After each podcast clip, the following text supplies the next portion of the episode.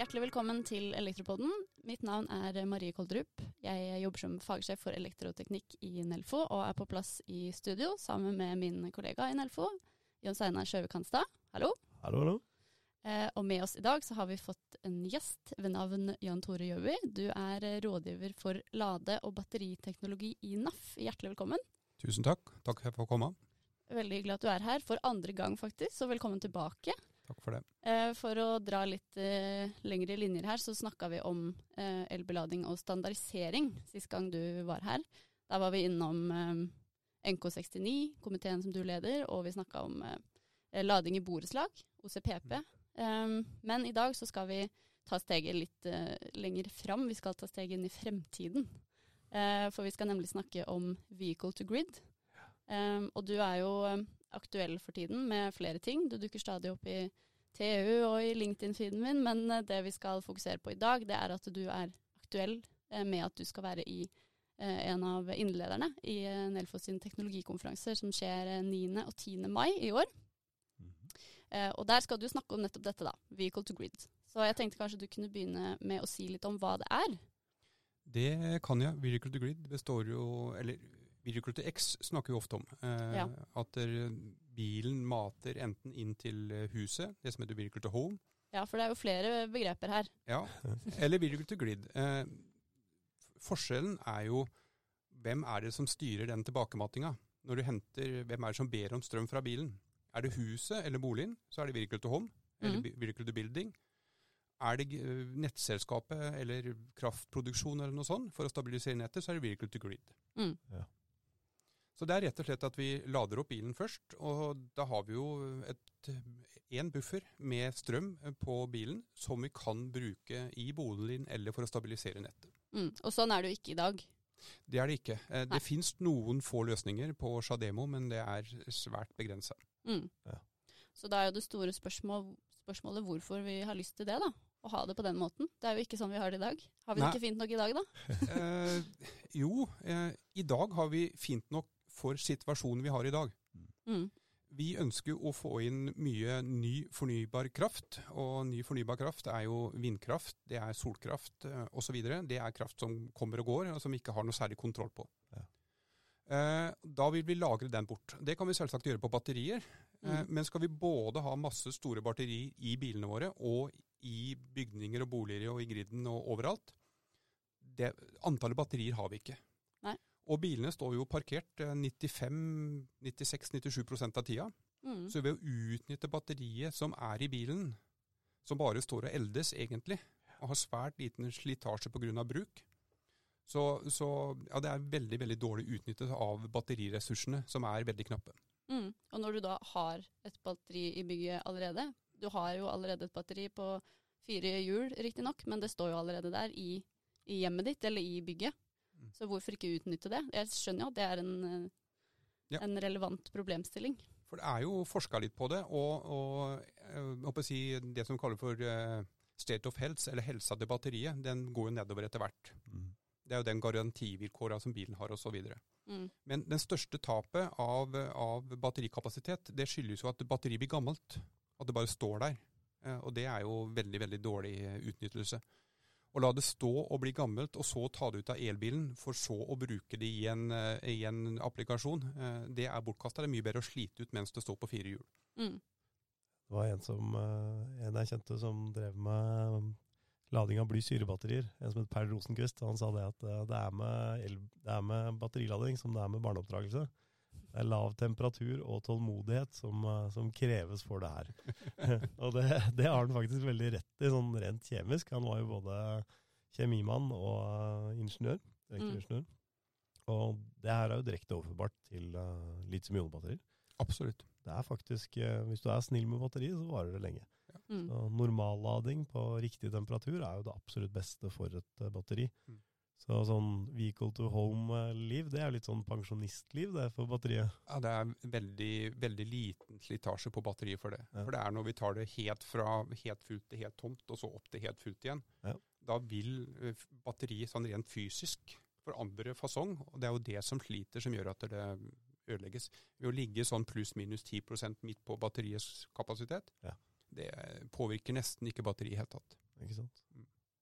Men uh, Jan Tore, nå er jo tittelen på ditt uh, foredrag på teknologikonferansen er jo 'Er alt klart for vehicle to grid'? Det er jo et litt sånn ledende spørsmål, fordi hvis det hadde vært klart, så hadde vi vel kanskje vært der allerede. Mm. Men da er jo spørsmålet hvorfor, hvorfor har ikke dette kommet enda? Hva er det som eh, bremser? Ja, det er å få alt på plass av disse berømte standardene. Spesielt for eh, Klart vi kan lage egne løsninger på det, eh, proprietære, men det, det er jo veldig lite skalerbart osv. Så, videre. så vi trenger en, eh, flere standarder på plass. Eh, vi trenger at bilen kan snakke bedre med ladestasjonen, Mm. eller ladestasjonen kan snakke bedre med bilen. Eh, den kommunikasjonen. og Da har vi en standard som heter ISO 1518, som mange har snakka om. Mm. Den er mer eller mindre på plass. Men eh, ladestasjonen vet jo ikke hva huset eller griden vil ha. Da må vi ha standarder for det. Er det Virkel til Home, så jobbes det nå beinhardt med å Den ligger under eh, NK69. Å få en standard på plass for å snakke med, med energistyring i bygg. Og Det jobbes også hardt med å få på plass en standard for hvordan eh, nettselskaper osv. kan gå inn og styre ladestasjoner. Så det er jo på software-sida for å få det på plass. Mm. Her, eh, her jobbes det hardt, men det er ikke på plass. Eh, Vi kan selvsagt lage noen løsninger, men det, det vil jo være veldig kortsiktig, og da binder det opp mot enkeltprodusenter og enkeltløsninger. Og, ja. Mm. Men når du sier standardisering, mener du da på norsk eller nasjonalt nivå, eller er det sånn at andre land er, eh, Dette har et forsprang her? Nei da, dette er på internasjonalt nivå. Det er Ja. i IEC-arbeid. og så vil det jo da også tas ned på EU-nivå og Senelec, for også der eh, EU-kommisjonen går inn og krever noe i denne sammenhengen, så må det jo lages en europanorm av det. Mm. Men det det koker ned til, er egentlig at uh, vi har teknikken. Vi vet åssen det skal gjøres, uh, og hvordan det funker, men vi må bare bli enige hvordan vi skal gjøre det i en standard. Ja, vi må bli enige om hvordan vi skal gjøre det når vi skal rulle det ut i veldig stort omfang. Ikke sant? Sånn så det er lett å, å koble seg til forskjellige leverandører, forskjellige aktører, uavhengig av produsent av bil, ladestasjon, Ja. om det er hjemme, om det er borte, om det er det energiselskapet, eller det er eh, den fasilitatoren av et eller annet som, som jobber med det. Eller om det er ditt smarthussystem, og om det kommer fra den ene eller andre leverandøren. Mm. Ja, for de har hatt dette på Campus Evenstad, Ja. blant annet, Mm. i mange år. Der har de brukt Nissan Leaf. Så den bidireksjonelle laderdelen på de bilene har jo har vært tilgjengelig, eller blitt åpna i, Ja. i, i det. Så teknikken ligger jo der. Ja, Shademo eh, det er jo den av skal vi si, tre standarder vi bruker for lading i Norge, Ja. eller i Europa også. Eh, Så er jo Shademo den ene som har vært eh, kompatibel med tilbakemating til et eller annet Ja. fram til nå. Så er man ikke sånn superglad i Shademo, for det er egentlig en sånn japansk industristandard som ikke, ikke nødvendigvis er helt overførbart til annen internasjonal standardisering. Eller? Nei, det blei vel si, Går vi ti år tilbake nå, Ja. eh, så kom jo CCS. Mm. eh, CCS eh, både i Europa og i Amerika. Det var jo bilbransjen først og fremst som pressa på Ja. for å få dette til, og de vant, vant fram den kampen. Ja. Og da er det CCS. hvis det skal være på DC-nivå, så er det CCS vi må satse på å, å lage løsningene for.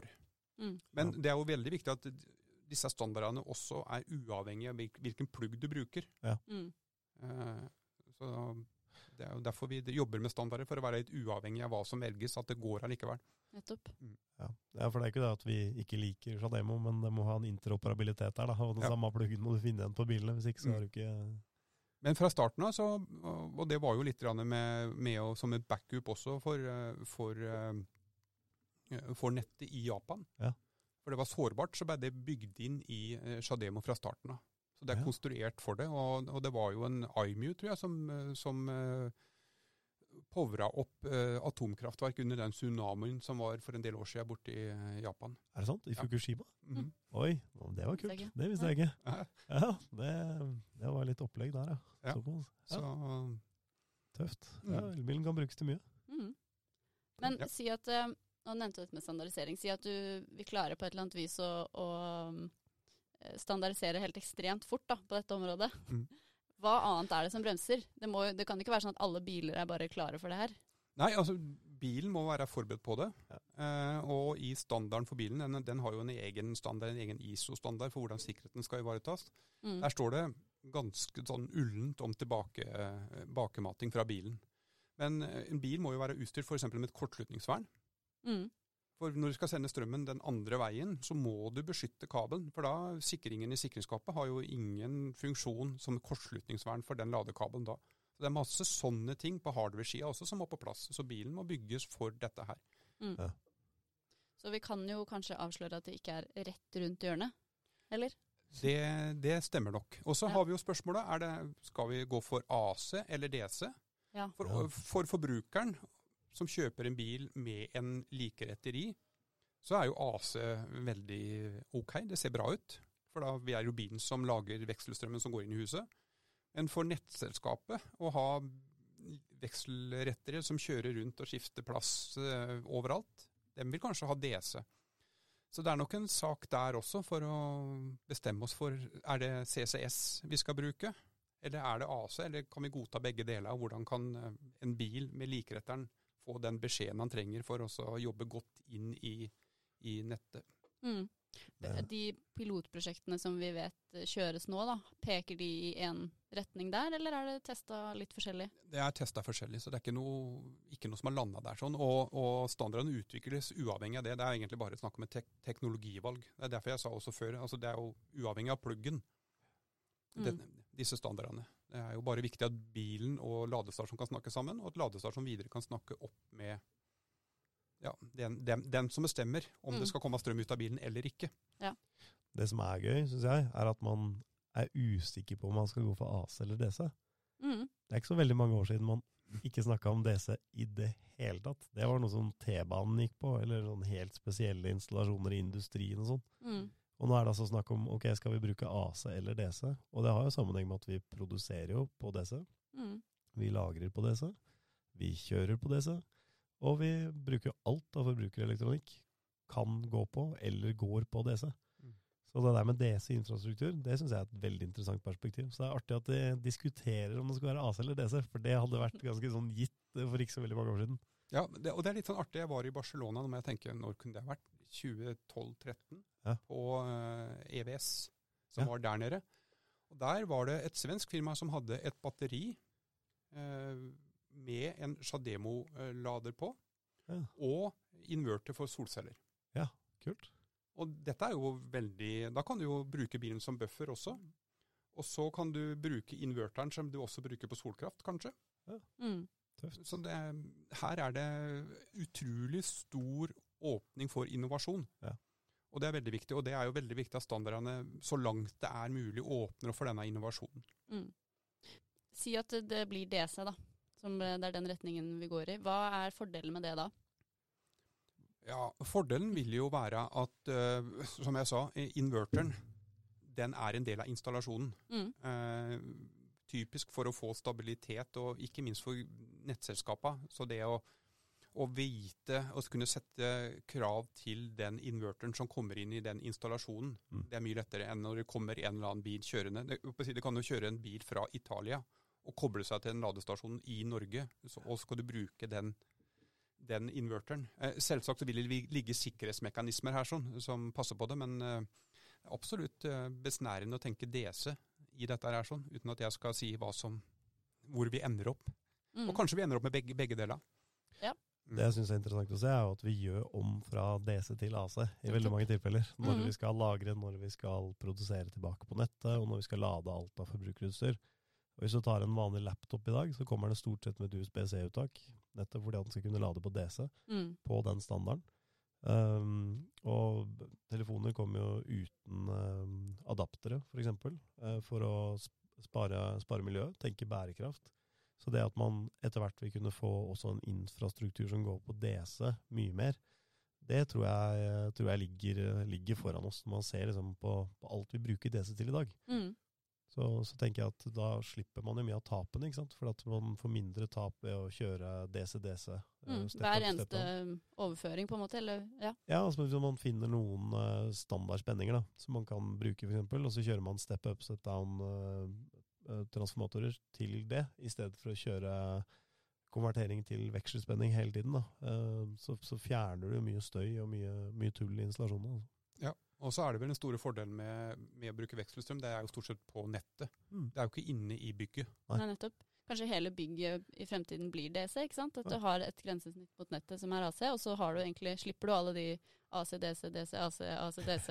Det er jo Hvis du tar ett eh, eksempel, så er det ganske mange ganger du kan ha i de verste tilfellene. Kan, kan du gå hjem da, så kan du plukke ut alt som står i veggen på 230 volt AC, som Mm. konverterer til eh, lavspenning DC hjemme. Du får en ganske stor bærepose etter hvert med, Klosser med klosser og dingser som, som gjør det. altså. Hvis du ser på belysning og allting, så er det jo mye, mye DC. Så det er jo nesten bare stekeovnene og panelovnene som er Ja. Og varmekablene. Ja, altså Grunnen til at belysning er på AC i dag, er jo rett og slett fordi at det er AC som ligger der fra, fra før av. Ja. fordi at man hadde glødepærer som gikk på AC. Eh, Mm. Alt av ledd er jo DC. Mm. Det er interessant eh, tankeeksperiment. Mm. Men ok, for å begynne å oppsummere litt da, Jan Tore. Nå er jo tittelen som nevnt 'Er alt klart for Vehicle to Grid?' Og vi skal jo ikke avsløre alt her i dag. Det her er bare ment som en liten smakebit på hva man kan vente seg hvis man eh, kommer og hører på foredraget ditt. Mm. Men eh, en sånn undertittel her uh, i foredraget ditt er jo også 'Fremtidens ladeløsninger'. Um, er det noen andre sånne trender du ser at du tror vil påvirke eh, ladeløsningene i fremtiden? Det er nok valget mellom AC og DC som er, som er viktig. Ja. Ja. Og så er det jo, men det er jo en del av Vehicle to Grid hvor, hvor bilen blir, og det er jo derfor NAF også er veldig interessert i dette her, kjøretøy blir en mer og mer integrert del av nettsystemet vårt, energisystemet vårt. Mm. Ikke en som kjører bort til et tankested og putter på en gang imellom, men den blir en aktiv del i, i nettet. Mm, og kan jo til og med være en ressurs ikke sant, for Ja. å avlaste. Mm. Ja, altså det, det er jo hele, hele vitsen med dette, er jo å gjøre bilen eller kjøretøyet til en ressurs. Og, Mm. og utnytte den, den batterikapasiteten og den eh, fleksibiliteten som ligger i en bil. Mm. Så du bør jo ikke sende strøm tilbake på nettet, bare det at du lader eh, når det er eh, lurt å lade, gjør jo at eh, det blir mye, mye bra, mye bedre for nettet. Mm. Absolutt. Eh, en siste ting før vi runder av. Eh, vi i Nelfo får jo ofte spørsmål av installatører. Eh, og et ofte stilt spørsmål er eh, hva man bør gjøre som elektroinstallasjonsbedrift for å forberede seg på det markedet her. Ja, eh, som sagt, spørsmålet er det, blir det AC eller DC. Eh, men sørg for å ha en god kurs ut til, til eh, ladestasjonen. Mm. Det tror jeg er det beste. Sørg for at den er godt, godt sikra og godt beskytta. Mm. Eh, så du slipper å bytte kabelen. Eh, eh, lande på en ladestasjon, det tror jeg vi skal vente to eller tre år. Kan dere be meg tilbake hit? Og så kan jeg, kan jeg avsløre hva som er det lure da. Ja, Du må komme mye før to eller tre år, Jan Tore. Vi skal, Ja. skal nok ha deg et par ganger i året, skjønner du. Det er, Ja, men det høres veldig bra ut. Med de ordene så runder vi av for i dag. Tusen takk for at du var med oss, Jan Tore. Takk for at jeg fikk komme. Og tusen takk til deg som hørte på. Ha det bra. Ha det bra.